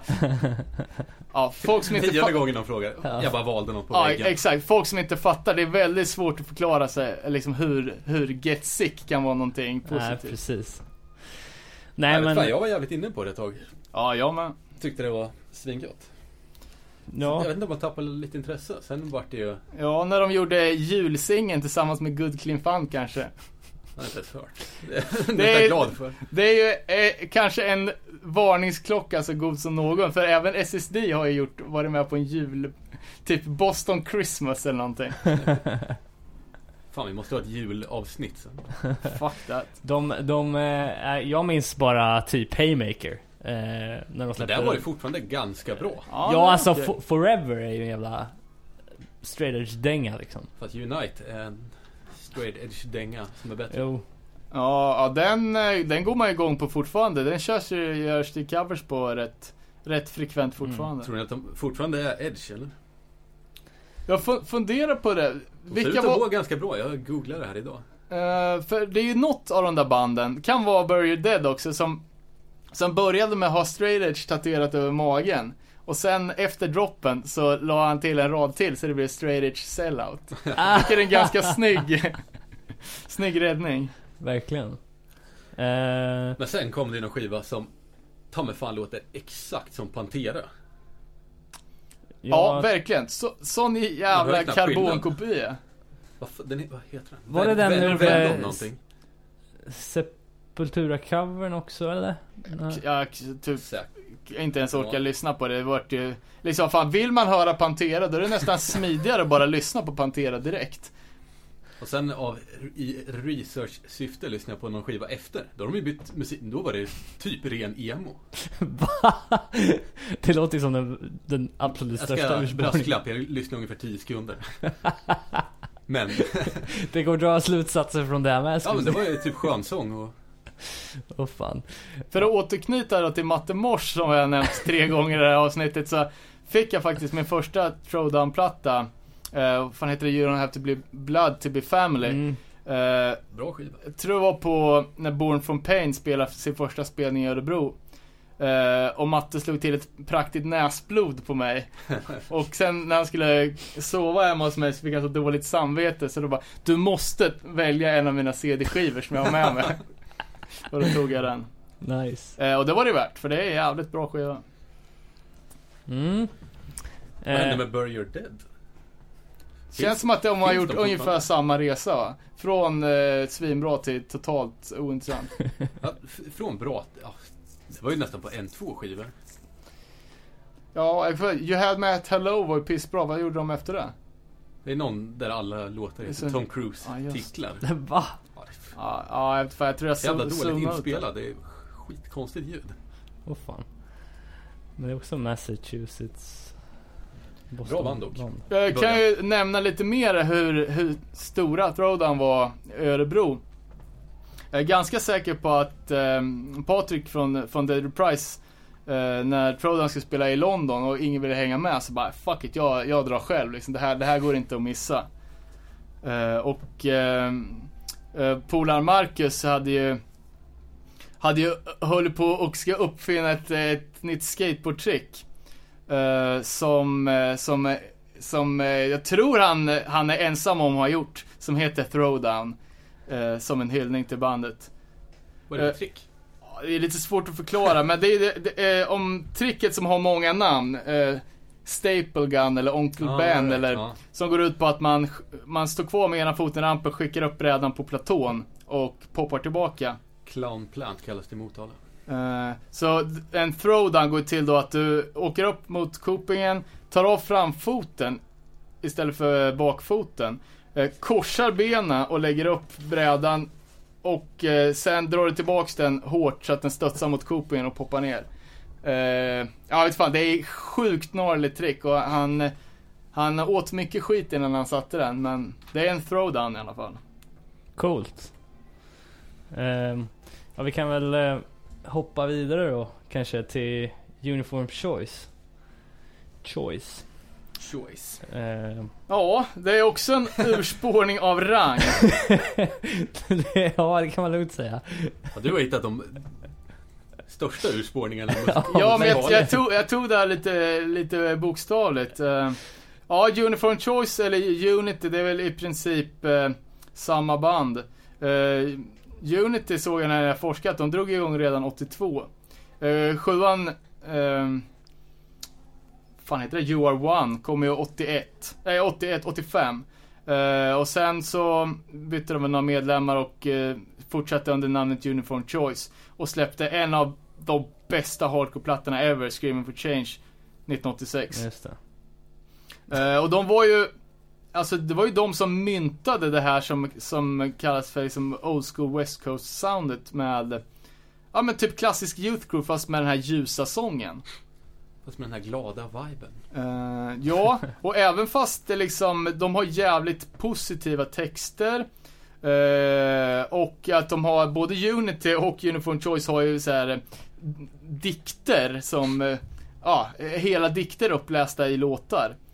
Eh, så verkar det som att eh, Patrick Duvar, eller Dubar, jag vet inte hur det uttalas, jag tror att han heter Duvar. Var en riktig jävla hårding.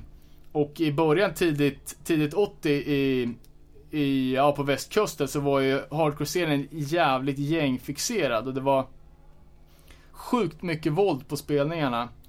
Uh, och det är många band därifrån som är uh, både band som har startat gäng och gäng som har startat band.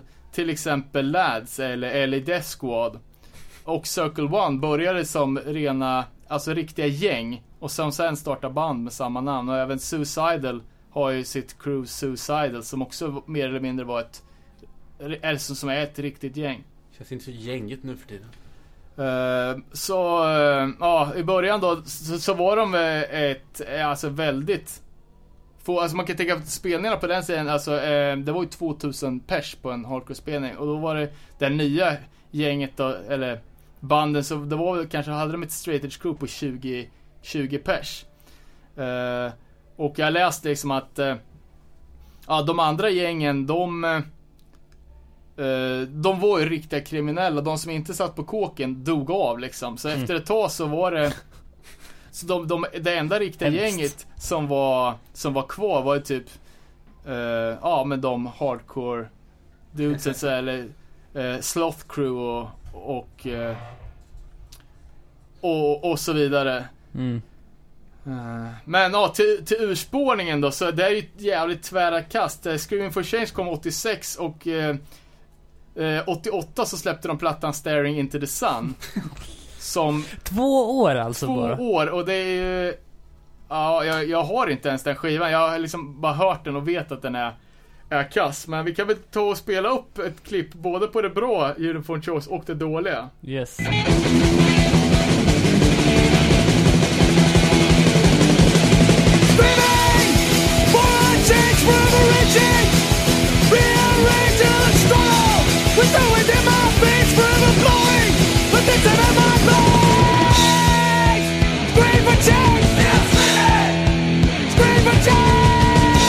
Ja, det där var ju alltså Screaming for Change, titelspåret på plattan från 86.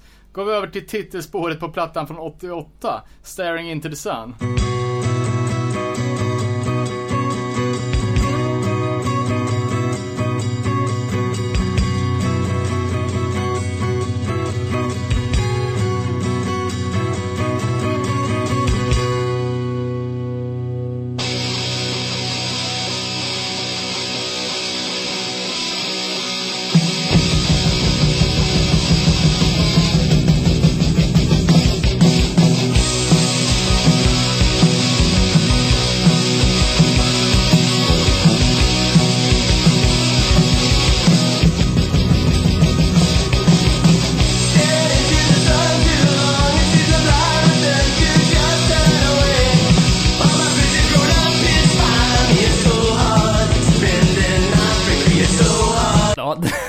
Där var ju det sjukaste i världshistorien tror jag.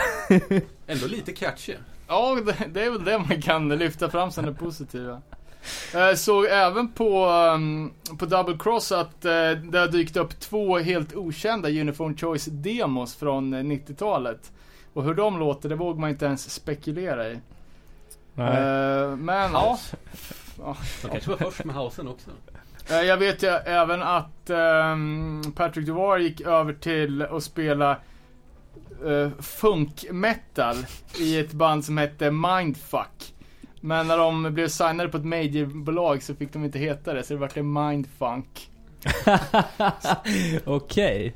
Skapligt lamt. Ehm, ja, fan det, jag tror... Jag Det, tror fin- det finns inga ord för det. Nej, jag tror det fan det får sätta punkt för Uniform Choice. Nej, en annan rolig grej som alltid är kul. Eh, det har ju blivit någon grej att kasta mynt på dem när de spelar Screaming for Change. Fantastiskt ju. Kan du, kan du backa upp där? Inte riktigt, mer än att jag har läst eller hört det någonstans. Ja, först alltså stoppa bajs i munnen på Karl i Earth Crisis och sen kasta mynt. Du får bara... det är ju fyndigt. Ja. Om ingen har gjort det så får, fan jag göra det. ja, verkligen. ja, jag vill ha lite källor på det här. Ja men eh, fan nice då. Då har vi gått igenom lite band som, som har spårat. Vi får be våra lyssnare och gärna skriva en kommentar om, om band som de tycker har spårat ur. Ja, fan det vore Ja, svinkul.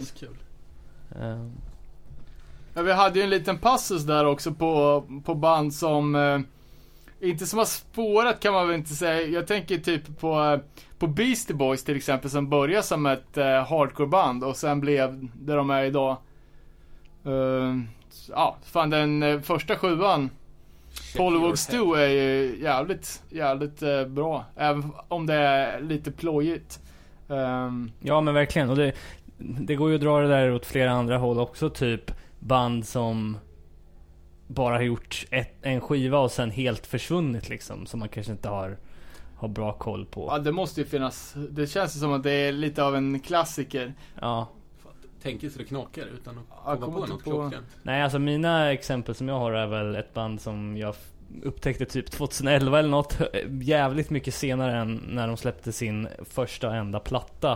Eh, War Torn Life. Eh, från Pennsylvania. De höll på 2004 till 2006. Släppte en skitbra platta som jag uh, inte kan komma på, ihåg namnet på. Men man får upp den om man googlar på det i alla fall. De, eh, riktigt bra, tung hardcore liksom.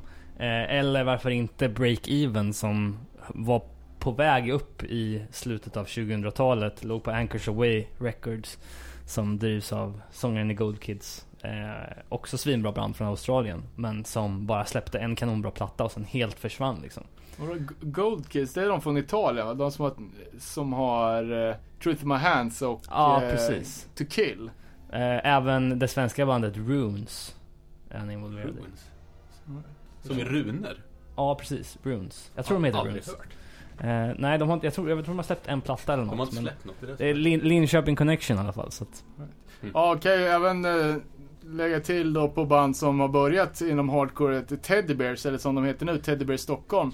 Var ju ett, alltså det är ju jävligt funkigt men det är ju, eh, på deras första sjua, eh, Wom- Women in Pain, så, så står det ju så här eh, Stockholm Hardcore 1991. Mm. Och det är ju, ja, eh, typ det första som, eh, som jag hörde som, som gick under namnet Hardcore.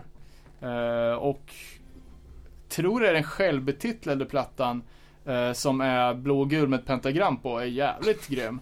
Eh, och är ju tusen gånger bättre än den skiten de pysslar med nu. verkligen. Och där får Fan, man jag, ju... jag det- såg någon intervju med honom på TV. När han pratade om vegan eller Ja, veganism. precis. Eh, vad fan? Patrik Arve eller? Patrik Arve, precis. Då verkar han ju ganska vettig alltså. Ja, verkligen. Han, Han, är rätt skön, för jag såg, eh, eller så, han var ju eh, speaker på en skate-tävling en gång. Eh, och eh, jag, jag tror att, att han var rätt packad för han svamlade på så fan, men han sa ju så jävla skön, fan ska jag säga det? Eh, eh, ja, kanske inte var så jävla kul. Eh, eh, eh, ja, som ni kanske vet allihopa så är det ju tuppkammens dag idag. Så eh, alla som har tuppkam kan komma fram till domarbåset och få en chipspåse. jag, jag garvar åt att du faktiskt drog den där historien. ja, förlåt. Nej men Claes Åhlund verkar också vara rätt skön tror jag, men ja, det, det är inte så, så bra. Nej, men Patrik Arve är ju kung för fan. Speciellt den där intervjun som jag tror att du såg, eh, David. Det var han och någon tjej som Ja, satt och pratade veganism på Va- Malou som har kört veganvecka förra veckan. Jag fattar inte, Eh. var hon vegan eller hade hon Hon var vegan. Eller är vegan. Eh, på heltid eller Eh, var det bo- jävla Nej alltså ja, du, du tänker på Malou. Jag trodde du menade bruden som satt med. Ja, Malou testade väl på det i två veckor eller något sånt där tror jag.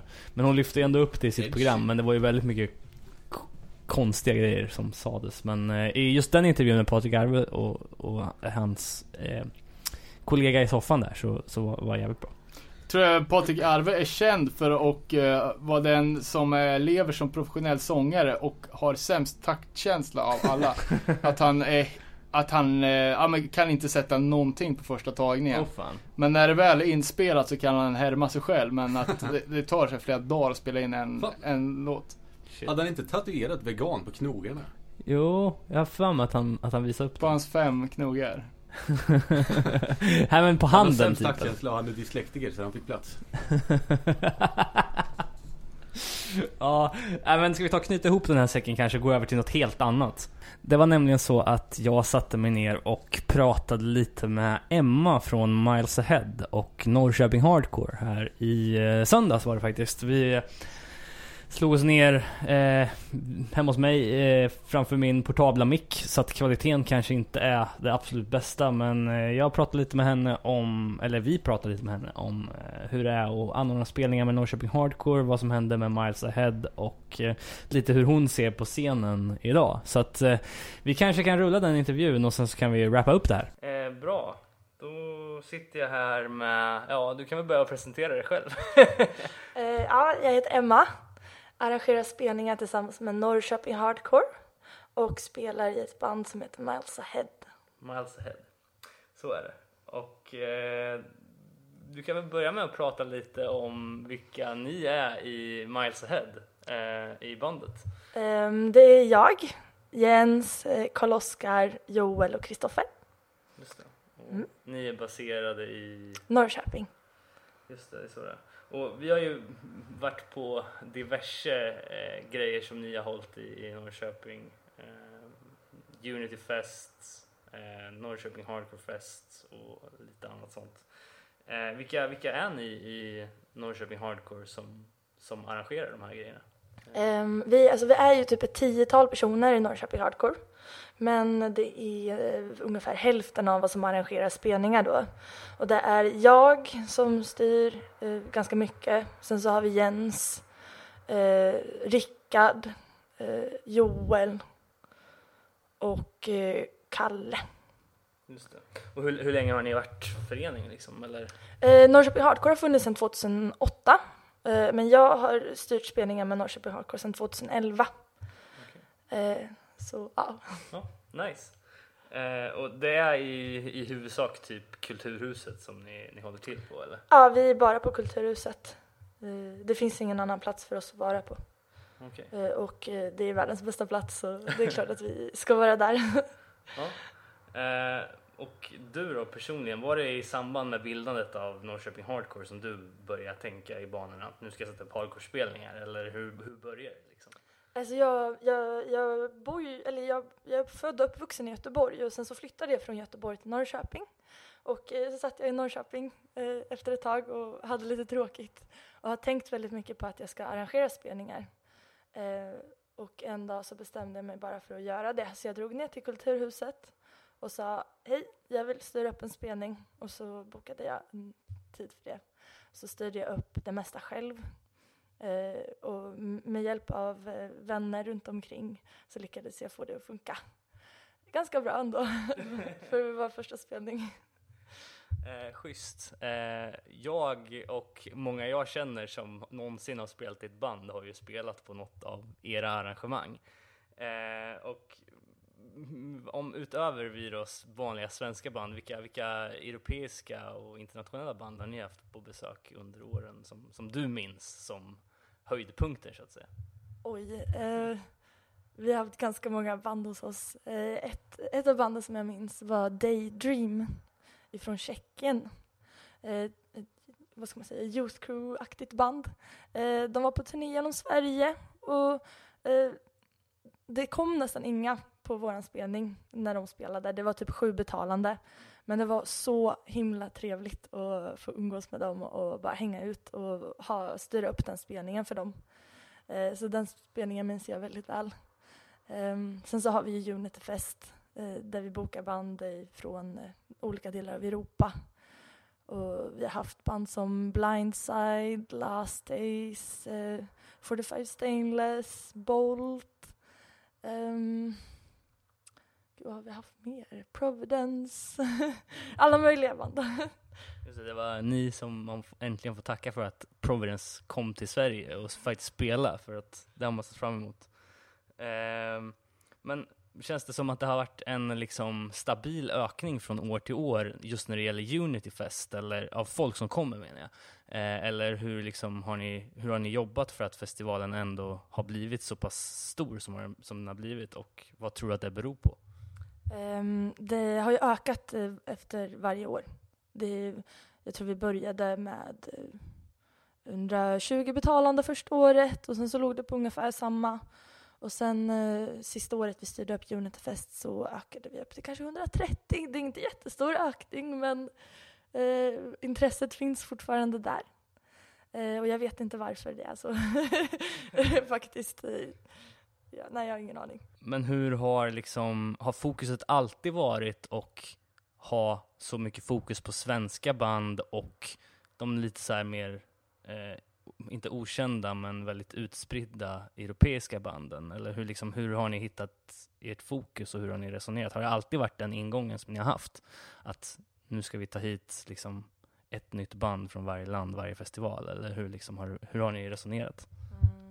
Eh, vi vill ju ha vi vill ju lyfta fram den svenska hardcore-scenen så gott det bara går och sen bland, blanda det eh, också så gott det bara går så att det inte blir en typ av hardcore.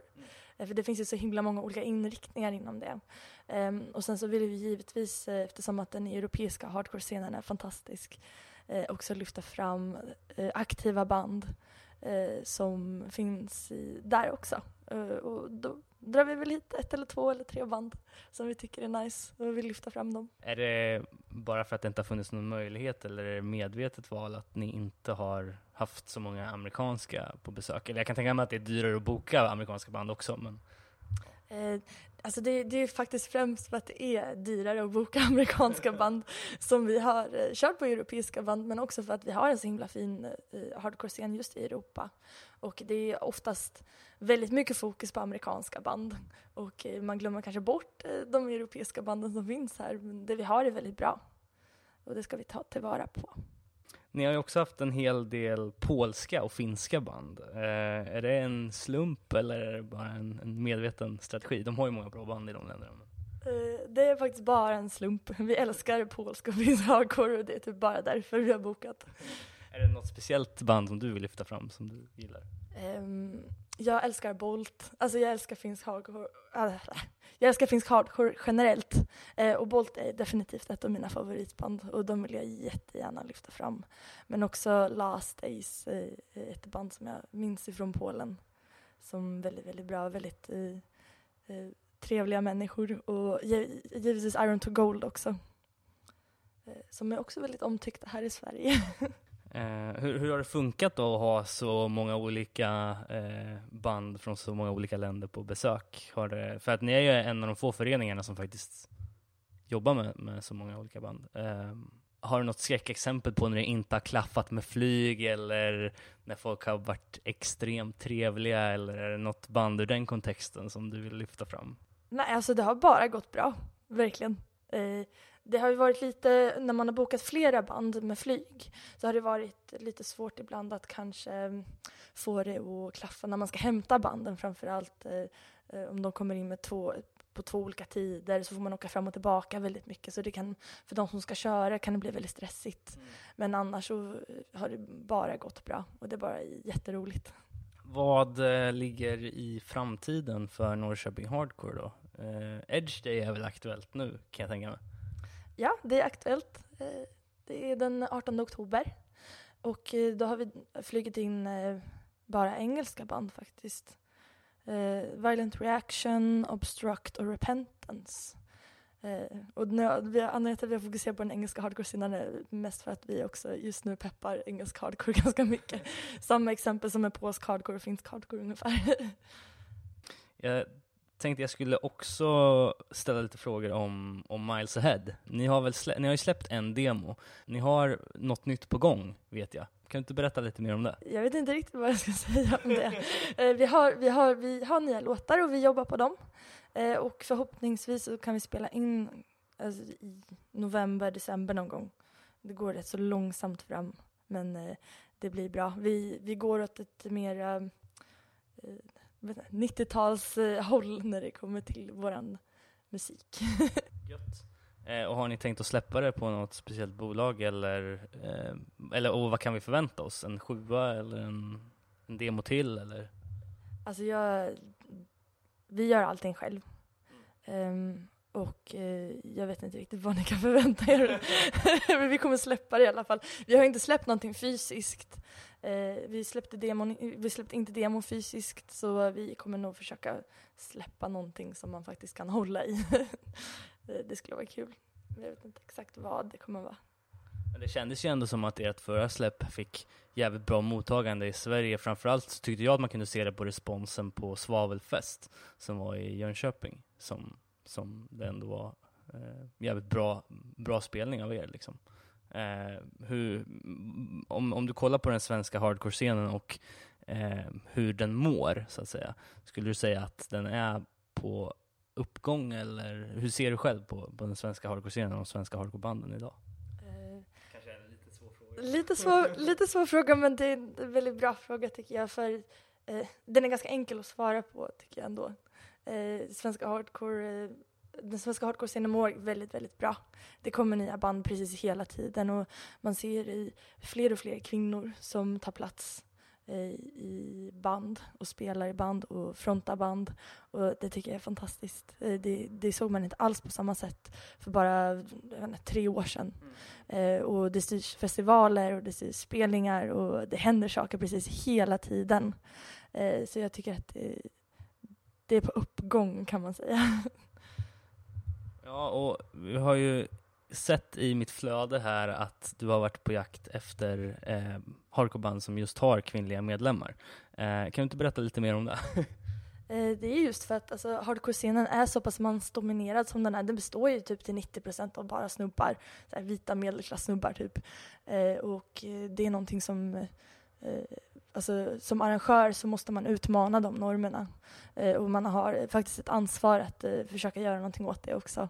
Eh, och, man, och så kan man boka, boka band och lyfta fram band där det är till exempel eh, eh kvinnor eller ja, icke-män generellt eh, eller hbtq-personer som också är i minoritet, så ska man göra det. Och då får man leta lite också.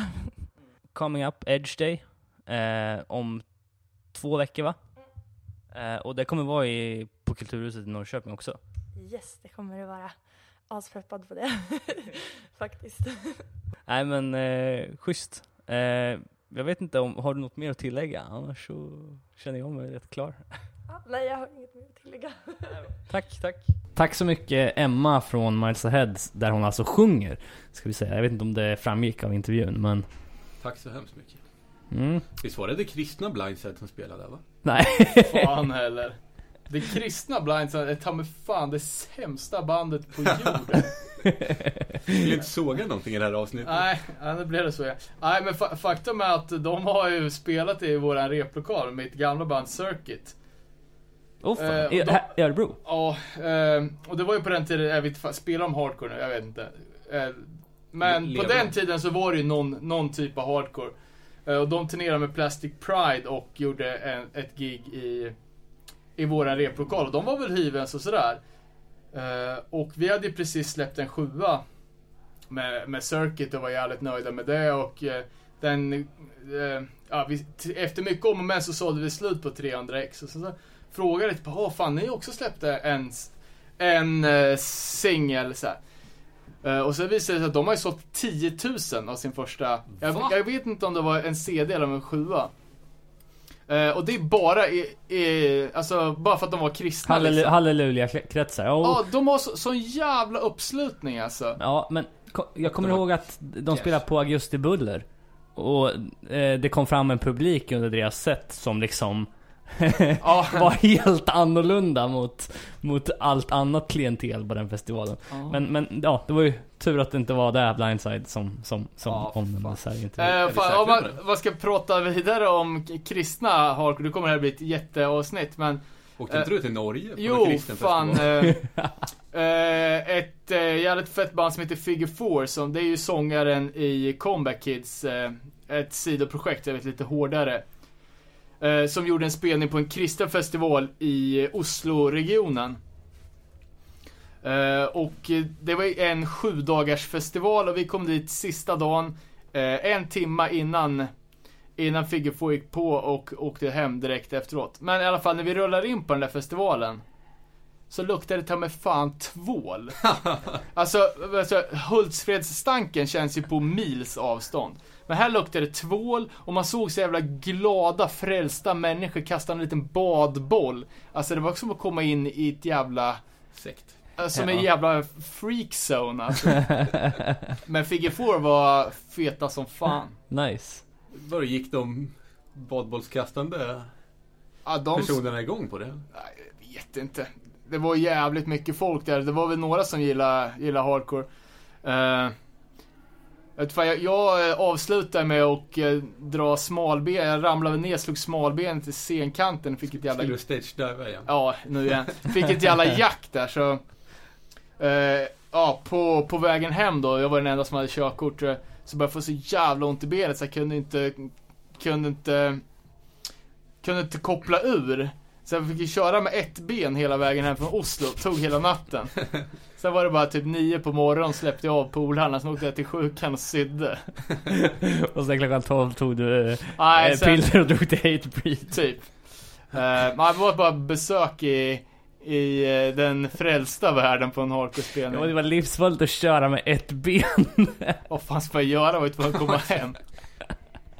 Nej, det, det var fan lite, lite drygt. Men det var ju värt för det var jävligt fet spelning. Figure 4, svinbra. Som Emma nämnde där så är det ju mycket engelska band som är bokade till Edge Day och hennes önskningar och i sluttampen av det här avsnittet är just en låt av ett engelskt band som heter Guidance. Vi måste ju stanna lite på Norrköpingsgrejen eller? Ja, fan Norrköping har ju, det är ju där det händer här i, i eh, vårat närområde. Jag Det tycker, är jävligt kul för dem. För ja jävligt. Norrköping, de har alltid känt sig lite underlägsna Motala som stad. Jag tror inte de håller med om det. David. Ja men det är allmänt känt.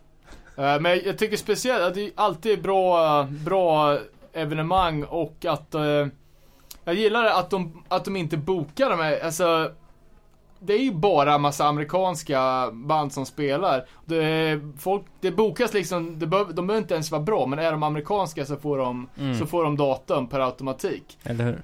Eh, och det är ju ingen jävel som, som bryr sig, så då blir det så här, ja, förlustspelningar.